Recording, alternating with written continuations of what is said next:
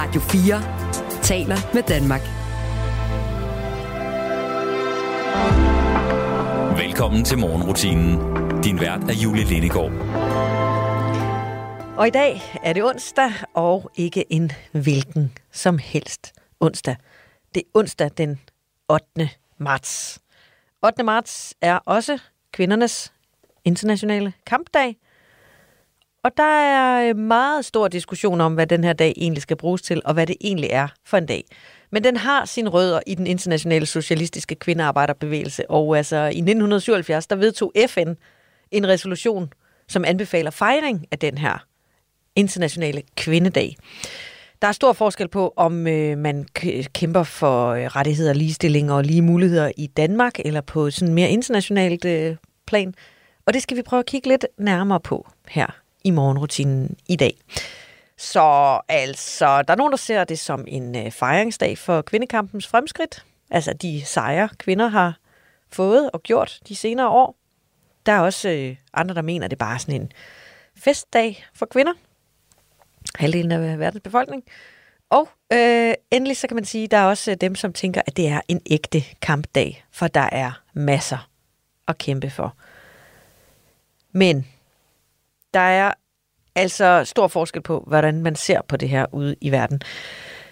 Og hvor stort og internationalt det er. Men herhjemme handler det jo især om lige løn. Det handler om kvinder i topposter, eller mangel på samme. Og så handler det om, øh, hvordan mænd og, mænd og kvinder, mænd og kvinder kan kæmpe for ligestilling globalt. Det er jo ikke kun en sag for kvinder, men øh, der er en god grund til at tale lidt ekstra om det i dag.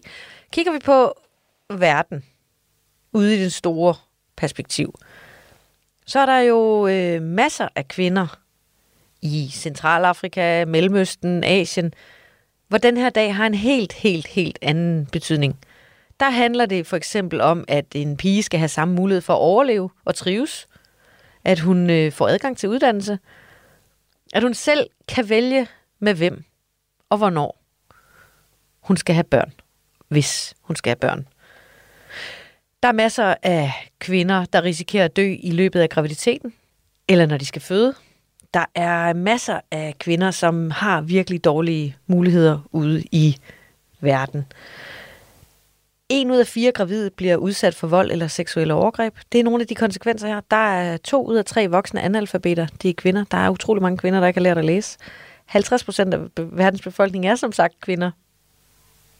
Men det er kvinder, der udgør 70 procent af verdens fattige. Det er bare nogle af de grunde til, at vi faktisk stadigvæk taler lidt om kvindernes internationale kampdag.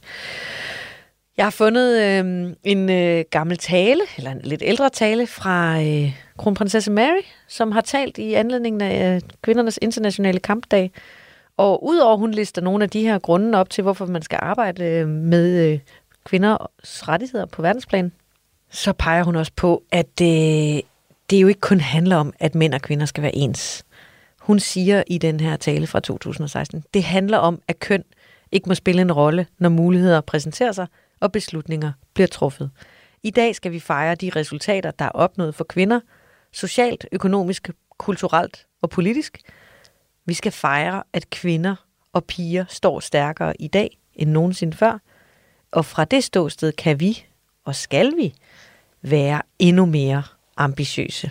Det sagde kronprinsessen altså tilbage i 2016. Jeg er ret overbevist om, at hun øh, stadig har den holdning, til trods for, at hun ikke siger så meget i øjeblikket om det. Men øh, det har i hvert fald været en sag, der også lå hende på sinde. Der er altså masser at tale om på 8. marts, som er i dag, kvindernes internationale kampdag. Og øh, det kommer vi også til at tale lidt mere om her i Radio 4's morgenrutinen, men øhm, vi skal også tale om meget andet. Jeg spiller jo lidt musik her i morgenrutinen, og i dag er det kvinderne, der får lov at sætte dagsordenen.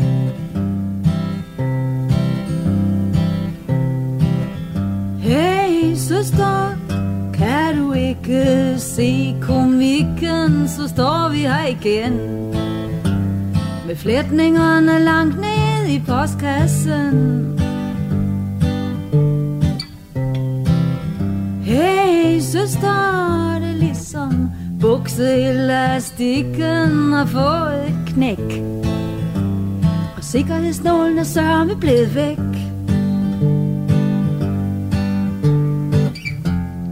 Gik det kærlighedens så. Hvad er det så, vi har lært? Hvad er det nu, vi forstår? Ja, vi bliver stadig bedre til at slikke vores sår. Og dagen er mørkner nu. De siger, at vinteren bliver hård i år. Flasker har vi slæbt helt hjem fra Irma i kærlighedens navn. Og Gud skal vide, de gjorde gavn. Tunge tasker var vi ene om at bære med små usle panter. På lykken vi fandt Så gik det kærligheden så. Hvad er det så vi har lært Hvad er det nu vi forstår? Ja vi bliver stadig bedre til at slikke vores sår. Og dagene mørkner nu. De siger at vinteren bliver hård i år. Yndigt og få krøllet nogle laner og glatte dem ud og mærke natten på sin hud. Det er bare det med at klare det med mindre søvn end nogen aner, når morgendagen kræver sit. Og det ser ud som ungen har det lidt skidt. Gik det kærlighedens år. Hvad er det så vi har lært? Hvad er det nu vi forstår? Ja vi bliver stadig bedre til at slikke vores sår. Det er godt for dagen er mørk nu. De siger at vinteren bliver hård i år.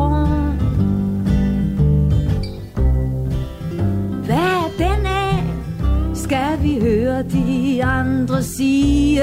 Hun kan da vist alligevel Ikke holde på en mand. Så ud på den gamle arena. Dukke op til mange fester Med dig selv om halsen. Bevise at du sagtens kan. Ja, så gik det kærlighedens år Hvad er det så, vi har lært? Hvad er det nu, vi forstår? Ja, jeg var det Trille, og hej søster.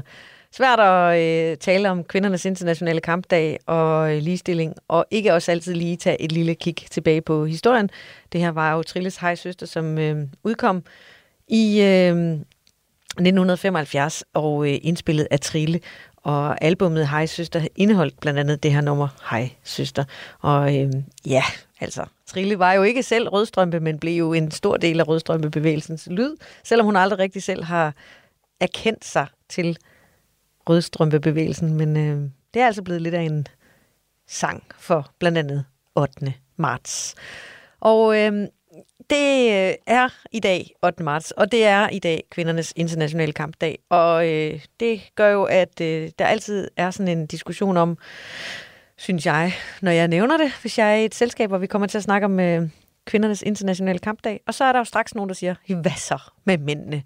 Men der er faktisk også en international kampdag for mændene. Den markeres den 19. november hvert eneste år.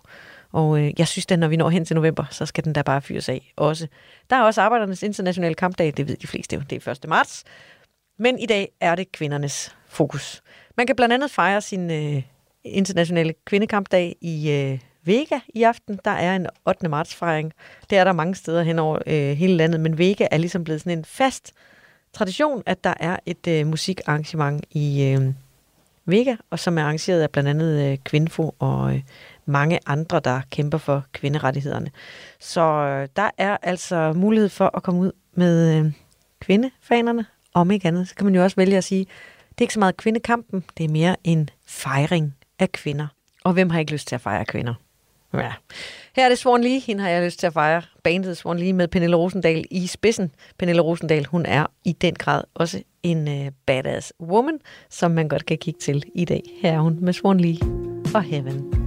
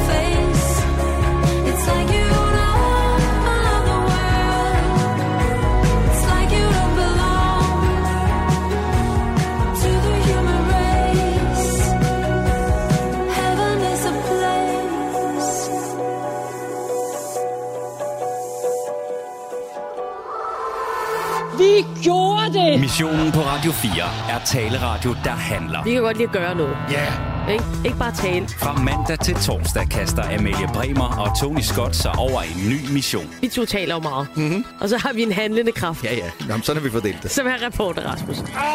Når det rigtig bliver svært, så siger vi, og nu stiller vi over til dig, Rasmus. det skal du gøre. Lyt til missionen mandag til torsdag fra 15 til 17. Radio 4 taler med Danmark.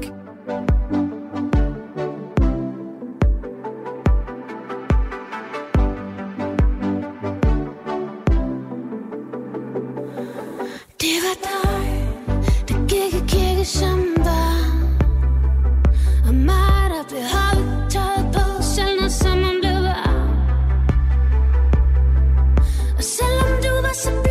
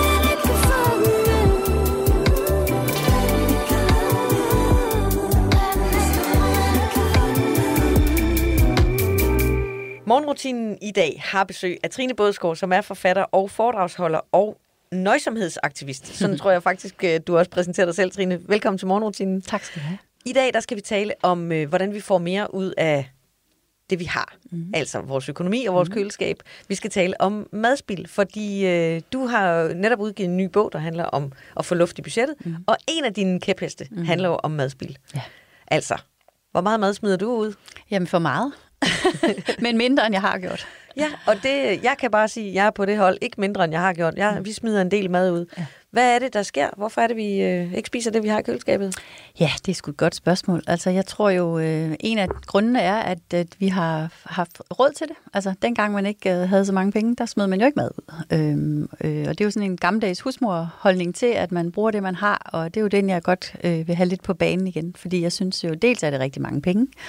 Jeg tror, det er noget med en 10.000 om året, en gennemsnitsfamilie smider ud af af varer, som ikke fejler noget, men måske er blevet for gammel, fordi vi ikke har fået det spist. Og hvis man forestiller sig de her 1000 kroner ned i en plastikpose og så ud i affald, det, det er jo det vil man ikke gøre. det er helt galt. Ja. Og så er der også, sådan, synes jeg, en eller anden sådan forbruger- og etisk øh, holdning til, at øh, der er folk, der sulter. Jeg ved godt, at dem, vi kan ikke på den måde hjælpe folk i Afrika, men jeg synes, det er forkert. vores gamle Nej, rugbrød, jeg synes, det er forkert, at vi er blevet så ligeglade øh, med øh, en ressource, som er så vigtig. Det er dyr, der nogle gange har ladt livet. Det er benzin, transport. Øh, altså det, det, det er mange ressourcer, der bliver brugt på noget, som bare bliver smidt ud, og det, det synes jeg bare ikke er i orden. Og du har jo skrevet den her bog, som er lige udkommet, men du har jo faktisk arbejdet med det her mm. i mange, mange år. Ja. Og nu er det blevet lidt mere aktuelt, fordi vi alle sammen er blevet lidt mere klæbte. Kan Ja. du mærke det? Ja, det kan jeg godt mærke. Altså, der er en større interesse for, hvordan øh, får vi øh, vores økonomi til at hænge sammen, fordi det er vigtigt for mig at sige, at der er mennesker i Danmark, som bestemt øh, lever på en sten, og som ikke har råd til ret meget. Øh, men der er også masser af os, som har øh, et, et forbrug, som vi sagtens kan rykke lidt rundt på, uden at det, det skader noget som helst tværtimod. Og vi skal snakke mere om det her med, helt konkret, hvad er det egentlig, man gør med de der rester i køleskabet? Mm. Fordi så får man købt en pakke øh, hamburg, og så ligger den der, og så øh, får man spist lidt af den, og så resten, så tænker Ja. man, ah, Den er kedelig. hvad gør vi ved det? Ja. Altså, øhm, alting starter jo med bevidsthed, øh, så det er jo noget med at blive opmærksom på det, hvis, hvis man vil gøre noget ved det, og hvis man synes, man øh, har behov for at gøre noget ved det, og hvis man måske godt vil bruge de 10.000 kroner på noget andet, så er det jo noget med ligesom at give det noget fokus, og sige, altså, hvad gør jeg? Hvad kan jeg gøre ved det her, øh, som, som to sultne eller to tørre frikadeller, der ligger, det, det er jo ikke øh, attraktivt for nogen som helst. Så hvordan får jeg dem i spil på en ny måde? Øh, og for mit eget vedkommende øh, tog jeg jo egentlig sådan en beslutning og lavede en snubletråd, som gjorde, at jamen, jeg vil ikke smide mad ud. Og, og så bliver man jo kreativ. Øh, og så er det jo noget med at se på et måltid på en anden måde, at man skal ikke have en ret, eller du ved... Øh, En ny ret hver Nej, øh, man skal have frikadeller med kartofler og noget salat, eller, men at et, et aftensmåltid godt kan bestå af, af det, jeg kunne kalde tapas, eller øh, buffet, eller frem for at kalde det rester. Og det vil sige, at, at man kan lune de to frikadeller, man kan supplere med et spejlæg, man kan åbne nogle oliven, man kan riste lidt rugbrød, rive lidt hvidløg på, øh, spise en appelsin til dessert, og så har man måske pludselig et måltid øh, ud af de, med de to frikadeller, som, som kunne blive til noget. Og det er jo en... Øh, det er jo et tip, som man kan sige, hvis man øh, kommer i, øh, i hjem, hvor, hvor der bor nogle ældre mennesker, mm-hmm. så øh, er de jo rigtig gode til at Ja. gemme de der tre skiver, eller i hvert fald nogle familier, Ja. tre skiver agurk, som ikke er blevet spist, og den ene skive spe- spejepøls, mm. som jeg jo bare har en tendens til at fyre ja. i skraldespanden og Ja. sige, det der, det har været på bordet en gang, ja. ud med det. Ja. Øh, og, og, og jeg ved, du også er optaget af at lære noget fra tidligere generationer. Ja. Hvad er det, vi kan lære? Jamen, jeg er jo opdraget hos sådan en mor, som øh, altså, der er blevet smidt intet ud, og det vil sige selv den mindste bacon, ende eller rest af noget te eller noget, det, det har hun ikke øh, smidt ud. Hun har ligesom fundet ud af at ja, putte øh, den kolde te op i bolledejen, eller øh, øh, putte baconenden op i en lille omelet, eller, altså, så det er jo noget med sådan at, at se på, at, øh, at hvad kan man bruge det til? Øh, hak det ind i noget. Altså det, det er jo en tankegang, man skal vende sig til. Øh, og så ligesom, som jeg sagde, lave det benspænd, der hedder, jeg vil ikke smide mad ud. Det lyder også Så lidt kedeligt. på noget andet. Det lyder en lille smule Ja, kedeligt. ja. Ikke? Altså, altså, eller i hvert fald, øh, det er nemmere bare at tage en ny og åbne, en, øh, når man kommer hjem fra arbejde, og så sige, hvad er det, vi skal have at spise i aften? Så går, står man deroppe i Rema og tænker på, hvad skal man, øh, eller i, øh, i et andet supermarked, og tænker, hvad skal jeg finde på af Ja. en ret? Og, Ja. og familien forventer ligesom, hvad skal vi have til aften? Ja. Men Så- det er, jo også, det er jo også, kan man sige, hårdt arbejde, eller altså at stå deroppe og skulle finde på noget nyt hele tiden. Så, så jeg er med på, at det er en ny vane, der skal læres, men, men det bliver jo, altså hvis du har sådan en føling med dit køleskab, og ligesom har hele tiden en rullende øh, udskiftning af tingene, der er også andre ting, jeg begyndte at gøre, for eksempel at gemme de her ting, øh, som, jeg ikke, som vi ikke fik spist i sådan glasbeholder, eller i noget, der var gennemsigtigt, sådan så at det ikke ender om bagved og bliver til et eller andet, som om tre uger, så finder man det med noget hvidt på, som er virkelig ulækkert. Den kan jeg. Øh, kender jeg har også lavet dedikeret en, en, øh, en hylde i mit køleskab til det, øh, jeg ligesom ved, der skal bruges, sådan, så det er der, jeg kigger hen først. Øh, jeg har organiseret min fryser, og jeg er med på, at det er noget nyt, og, men, men det jo, er jo nogle ting, der, der måske tager fem minutter. Øh, så jeg har nogle bøtter, altså for eksempel en lille rest af noget kødsovs, som man jo altid får rigtig meget som børnefamilie. Den ryger ned i den større bøtte, og så efter nogle uger, så er der måske til en helt ny portion. Så er det til en pizza måske, eller noget ja, andet. præcis. Men det der med, med køleskabet og have en særlig hylde, Mm. Det lyder også næsten, altså det, det er næsten et projekt, ikke? fordi vi skal ud og have fat i nogle, øh, nogle glasbøtter, mm. eller vi skal i hvert fald til at, mm. og, man kunne måske skylle nogle af sine syltetøjsglas af og bruge dem. Man, ja. øhm, men øh, så, så man kan sige, man kan ligesom indrette øh, køleskabet efter det. Det der med fryseren, altså jeg har både en stor kummefryser ja. og en skabsfryser inde ja. under mit køleskab. Mm. Og altså, det eneste, der bliver åbnet for at kigge der, det er, om der ligger en frysepizza, så når ja. børnene er alene hjemme, så kan de putte en uh, frysepizza. Resten af det, der ligger derinde, jeg aner ikke, hvor det kommer fra. Nej. Der ligger måske en halv pose ærter, der ligger ja. en halv pose bønner og sådan ja. noget. Og når jeg tager det ud, så tænker jeg, ja, bum, bum, bum. Ja. Hvis jeg skal bruge noget frost, så køber jeg noget nyt. Ja. Og resten kommer det ind. Så min fryser, den er fyldt med rester. Ja. Så det bliver sådan en øh, restekirkegård. Ja, og sige. Og så bliver det smidt ud på et eller andet tidspunkt, ja. hvor det er blevet så vidt og mærkeligt, og du ikke aner, Og man tænker, hvornår har jeg egentlig sidst spist øh, ja. broccoli fra frost? Ja. Så de ligger ja. der og... Ja. Øh, hvordan kommer man igennem det der? Altså, det, jeg har det sådan, det er nærmest sådan en øh, kirkegård, der skal genopleves, ja, ikke? Ja, men jeg er, med, altså, jeg er med på, at det er en, for mange af os noget nyt, vi skal gøre. Øh, og der kommer ikke nogen at gøre det for dig. Så det er jo igen et eller andet sted med, altså hvis man kan sætte det op lidt i dit højere perspektiv, det gjorde det i hvert fald for mig, at jeg så altså, vil de der 10.000 kroner, som jeg vidste, jeg faktisk smed ud, for dem, dem vil jeg ikke, og jeg skulle heller ikke råd til at bruge dem på det.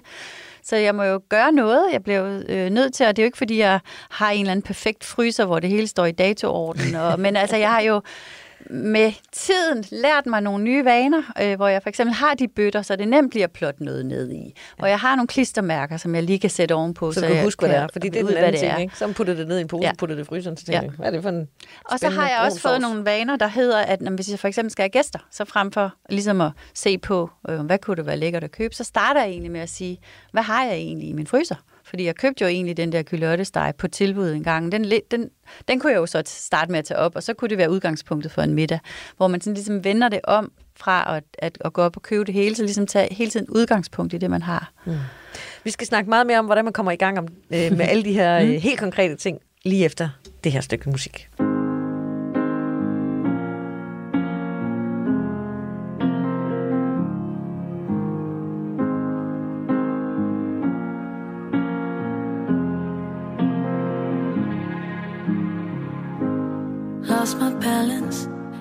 direction just to make somebody proud.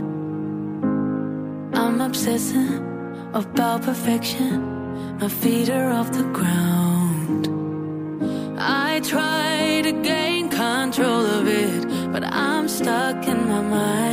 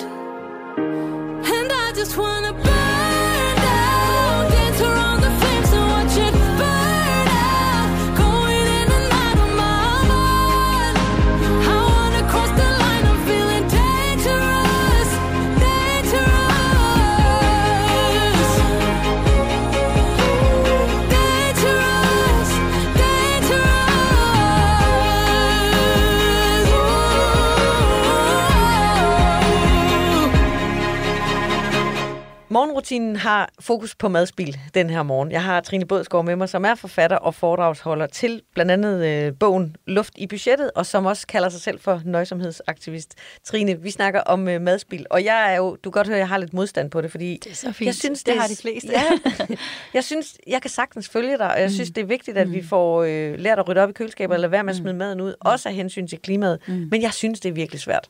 Fordi jeg synes, det er svært at få nogle, øh, nogle nye rutiner. Og, øh, og jeg er også nysgerrig på, altså betyder det så også, at du køber stort ind en gang om ugen og laver madplaner, eller er det mere også fra dag til dag, du, du tænker de her ting? Altså, jeg helt sikker på, at hvis man laver madplaner, og det, det siger alle jo også, så kan man spare rigtig mange penge. Altså, jeg er bare ikke den type. Jeg har aldrig været det. Jeg, jeg, får ikke, øh, jeg ved ikke, hvad jeg skal på tirsdag. Jeg ved ikke, hvem der kommer og spiser på torsdag. Jeg ved ikke, hvad jeg har lyst til på fredag. Altså, jeg, jeg, jeg får det ikke gjort. Og, og det betyder ikke, at det ikke er en god idé at gøre det, fordi det tror jeg virkelig, det er. Og så lave en madplan og lige få købt ind til det, der så skal være. Men, men der er mange af os, der ikke lever sådan. Og derfor er, er den måde, jeg ligesom er kommet om ved det på, det er ligesom for eksempel at have et meget sådan basic øh, ting, så jeg ved, jeg kan altid øh, skrue en eller anden ret sammen. Det vil sige, jeg har altid lidt parmesanost, lidt pølse, øh, nogle dåser med øh, tomat og noget pasta. Eller, så jeg kan altid lave en god pastaret. Eller, altså, jeg har sådan en dåse sardiner. Eller, du ved, jeg har ligesom et basislager, som gør, at jeg dels øh, altid kan lave et eller andet, Øh, og så starter min, øh, hvad kan man sige, planlægning egentlig aften før, tit inden jeg går i seng, for jeg lige tænker, om, hvad er det for en dag, det bliver i morgen? Skal jeg noget i fryseren? Hvad har vi? Og så videre. Øh, så jeg kører den egentlig meget på dag til dag, og det kan jeg jo så gøre, fordi jeg har en eller anden form for et basislager, som, som jeg ved. Og det hjælper jo også i de her situationer, hvor man ikke rigtig ved, hvad man skal lave, og man har travlt, og man kommer sent hjem fra arbejde, øh, at man ikke lige svinger ind og køber pizza for 250 kroner, fordi man ved, at man på 10 minutter derhjemme kan lave sådan en egentlig okay øh, pastaret. Ja. Og det der med at få lidt øh, sport i, øh, i udfordringen, altså det, jeg tænker også, det, det, når jeg kigger på mine køkkenskab, de er jo fyldt Ja. med alt muligt. Yes, så Altså, meget det bliver brugt. Præcis. Og det, noget af det bliver, står bare bliver for gammelt, ja. Ja. og noget af det er også noget, der kan holde sig for evig tid. Jeg tænker, vi har nogle gange joket med, at hvis der virkelig udbrød et eller andet, hvor vi skulle leve ned i kælderen, så ville vi kunne leve af dåser, fordi der er alle mulige slags Ja. dåser. Ja. Men mange af dem er jo også både øh, 2 og 3 og 5 og Ja. 10 år for Ja. gamle. Ja. Kan man godt, altså, kan man, kan man godt ligesom skabe en rutine i at sige, at jeg, jeg har altid dåser, øh, flåede, dåser, eller flåede tomater på, på lager, men, men at man får dem brugt, så det ikke bare står dernede og i sådan et... Ja, fordi det er jo igen egentlig det der med at tage udgangspunkt altid i det, man har, øh, og få det brugt, før man køber nyt. Øhm, og det er også en ny vane, man skal, skal tage til sig. Men, øhm, men jeg har jo også for eksempel øh, lavet sådan en i januar, du ved, der, der, der prøver jeg at leve, altså, altså, altså lave netop lidt en konkurrence eller lidt sport, hvor meget kan, eller hvor lidt kan vi leve for, at jeg må kun købe friske ting, og så er det, jeg får spist krydderier og dåser og ting fra fryseren, og i hvert fald får ryddet ud i det, sådan så at der ikke er noget, der ligger til næste januar, kan man sige. Ja. Øh, og jeg synes faktisk, at det, altså, det bliver lidt sjovt, det der med, når man, altså, så har man ikke øh, oregano, når man, så må, jeg, må, jeg, må man prøve at bruge timian, eller du ved, øh, altså udfordre sig selv lidt. Ja. Kan man også, øh, kan man også motivere sig selv ved ligesom at, altså, og nu siger du, det er cirka 10.000 kroner, vi hælder direkte ud i skraldespanden, mm. som en gennemsnitlig dansk familie. Kan man øh, øh, altså motivere sig selv ved at sige, jamen den synliggør vi på en eller anden måde, sådan så vi ikke, øh, Ja. det, det føles ikke bare surt. Ja. Der er også øh, en belønning derude. Altså det har jeg selv især brugt, da mine børn var lidt mindre, hvor, det, hvor jeg ligesom synes, jeg havde behov for at involvere dem i det også, som du siger, at øh, der er ikke stor accept hjemme med dig af, at man skal have rester. Nej, det er ikke Men hvis øh, der er en favorit. større, hvad kan man sige, altså vi gjorde det for eksempel i forhold til energi, og, og vi har også gjort det med mad, og ligesom sige, når, altså hvis vi, øh, hvis jeg kan se, at vi har 1000 kroner mere på madbudgettet, eller sådan noget, så lægger den her, og så skal vi sgu i Tivoli, eller hvad det nu kunne være. Altså så de også får noget ansvar, og synes det er sjovt, og, og øh, tager heller ikke fejl af den opdragelse, der egentlig ligger i det, hvis man har lidt mindre børn i hvert fald, i at de også selv bliver bevidste om, at øh, nej, vi skal da ikke smide mad ud. Og vi kan faktisk godt spise rugbrød et par gange om ugen uden Det at sker dø. der ikke noget ved. Ja. Nej, det, øh, Så sparer du også på strømmen. så sparer du også for strømmen, afhængig af, hvor mange spejlæg du laver. Ja. til det, og hvor meget torskerund, der skal steges. Men det, men det kan jo godt, når vi sådan sidder og snakker om det her, så kan jeg jo godt, jeg kan jo godt høre, at der er både noget, et konkurrenceelement, der er noget opdragelse for børnene, Mm, øh, men, men øh, det er jo svært, når man skal lave nye vaner. Ja. Så hvis du nu her til morgenrutinen skal give os, det, det er det her, det er her, du skal starte. Mm. Hvor er så den lavest hængende frugt, eller hvor er sådan det første sted, du ville kigge hen? Jamen, så vil jeg gå, altså kigge endnu dybere eller, og sige, altså fordi madspil er jo også et stort område, så vil jeg sige, om altså for eksempel brød, eller for eksempel kød, eller et eller andet. Altså, så sige, "Nå, men så er det det, jeg har fokus på. Ja. Og så sætte mig lidt ind i, altså, vi er jo blevet, elsker jo sådan noget med, altså, tørt brød, synes vi jo er noget af det lækreste efterhånden, selvom det er jo også lækkert med frisk brød, men du ved, vi rister det og putter hvidløg og god olivenolie på, og øh, altså, det, det, det er et super supplement til rigtig mange måltider. Øhm, og så ligesom prøve at starte med det. Robrødsknaser. Ja, for eksempel, Eller, eller, eller til ymerdrys, eller hvad man nu kan finde på. Øh, så så sådan gå, gå lidt dybt ned i et emne, eller, eller grøntsager for eksempel. Altså sørg for at få dem opbevaret ordentligt. Sørg for, hvis, hvis der er salat, der begynder at blive lidt slatten, så skærer du lige bunden af og sætter det i et, et, koldt, iskoldt, et glas iskoldt vand i køleskabet. Så strutter det igen næste dag. Altså sådan have et meget, meget lille fokus på noget, som man så kan lykkes med, og så får man måske tand, eller blod på tanden til det næste. Så man kan kigge på, hvad er det egentlig, vi smider allermest ud Ja, i vores ja, skraldespand. ja. Hvad er det værd, den der følelse, man går hen fra køleskabet Ja. og ned til skraldespanden. At man bliver bevidst om, at det er her. Det kunne også være, at tager udgangspunkt i de dyreste, for eksempel. Eller altså ligesom lave et lille fokus. Og du taler jo ikke for, at man skal lade være med at købe ting, og at man skal, man skal, man skal leve af det billigste varer Nej. og sådan noget. Men Nej. hvordan, øh, sig lidt mere om, hvad, hvad det egentlig er, det giver dig, når du, når du bliver bevidst om dit madspil.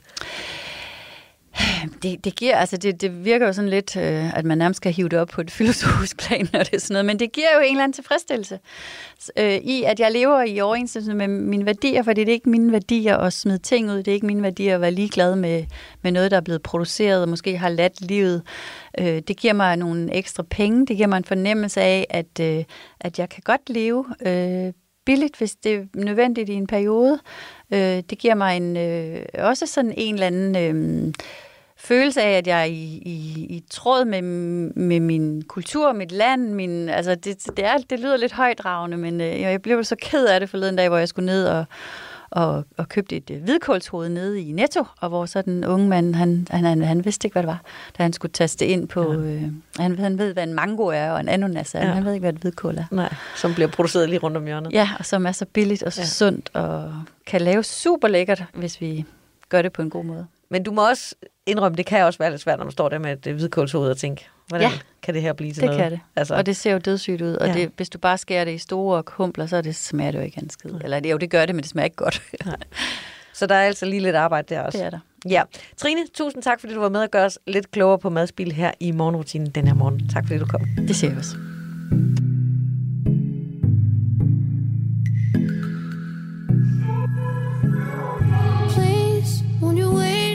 You stay? At least until the sun goes down. When you're gone, I lose faith. I lose everything I have found. Heartstrings, violence. That's what I hear when you're by my side. Yeah, that's what I hear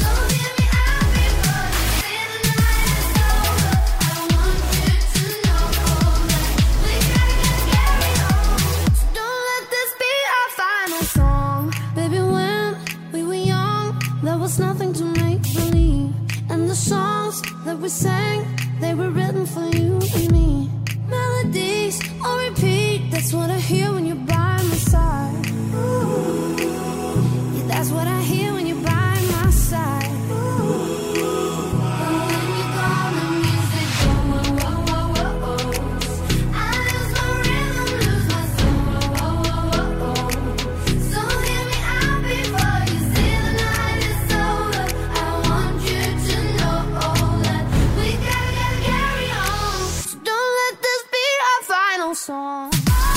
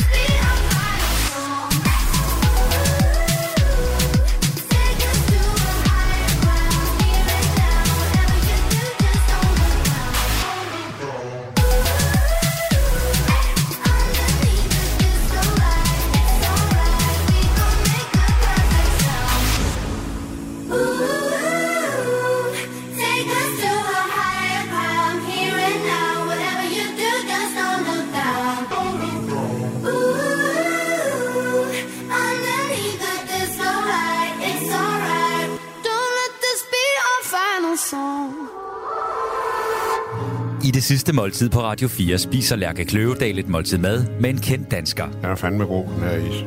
Har du mere? De taler om livet og døden, og sammen skriver de gæstens nekrolog. At være midt i en kærlighedsakt. Men det er sådan, jeg godt kunne tænke mig at dø. Lyt til det nyeste afsnit af det sidste måltid, der hvor du lytter til podcast, eller allerede på onsdag i Radio 4's app. Men nu får du mig langt ud på dybt vand her. Radio 4 taler med Danmark.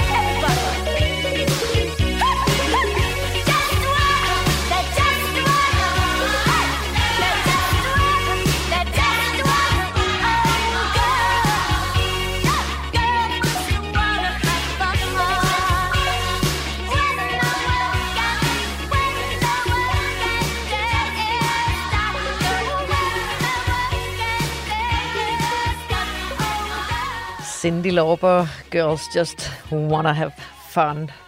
Ja, jeg ved ikke helt. Jeg tror ikke, det er det. Girls Just Wanna Have Fun i 2023, og slet ikke i dag, 8. marts, som jo er kvindernes internationale kampdag. Og øh, som jeg sagde lidt tidligere på morgenen, så er det jo en dag, der bliver fejret på mange forskellige måder og med meget forskellige perspektiver verden over. I Danmark handler det mest om lige løn og øh, måske flere kvinder i ledelse, flere kvinder på topposter og øh, lige muligheder, lige løn øh, for lige arbejde. Ude i verden, der handler det om helt grundlæggende rettigheder, som øh, at kunne øh, selv bestemme over sin krop, selv bestemme, hvornår man vil giftes, kunne klare sig selv, være økonomisk uafhængig, og mange, mange andre store emner. Historisk set, så er det jo en øh, kampdag, som blev vedtaget i øh, 1910. Så øh, den 27. august, der var der en øh, international socialistisk kvindekonference, faktisk i København, med øh, deltagere fra hele verden, og øh, eller i hvert fald fra øh, 17 forskellige lande, som var blevet enige om, at det her med en øh, international kampdag, det var en øh, god idé. Dengang, 1910, der var der nogle helt andre ting, som kvinder kæmpede for. Der handlede det jo om, øh, altså udover fred, så handlede det også om retten til at stemme, retten til at bestemme over sig selv, og øh, det er jo nogle af de ting, som der i hvert fald er, er sket øh, forandret siden øh, 1910. For kvinderne fik jo stemmeret i øh, 1915. Siden har øh, øh, kampdagen haft sådan lidt en øh, forskellig øh, betydning.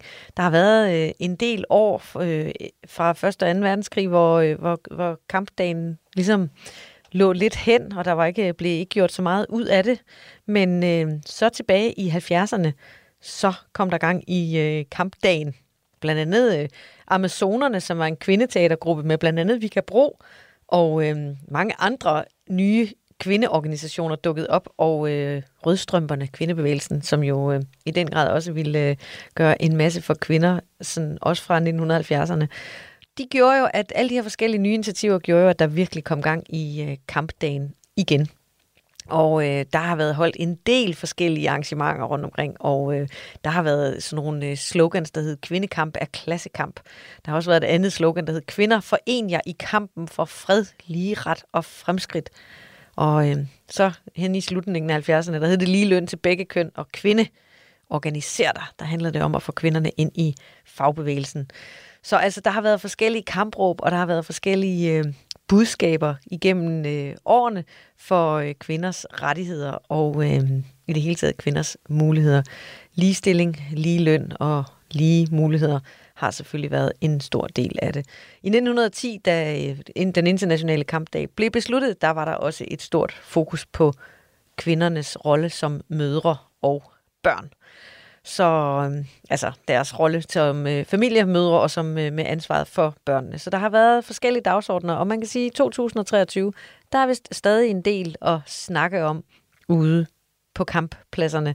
Og øh, det er der altså mulighed for at gøre i dag, den 8. marts, hvor det er kvindernes internationale kampdag. Og nu ikke mere kamp fra mig den her morgen. Jeg er tilbage i din morgenradio igen i morgen tidlig, og det er jeg jo på alle hverdage mellem kl. 5 og kl. 6 her på Radio 4. Og øh, helt undtagelsesvis, så spiller vi lidt musik her i øh, morgenrutinen, og her til morgen har det været kvinderne, der har sat dagsordenen. I morgen er vi tilbage med en skøn blanding af alt muligt. Det sidste nummer, du får i dag, det er The Weather Girls, It's Raining Men. Jeg håber, du får en rigtig dejlig kampdag i dag.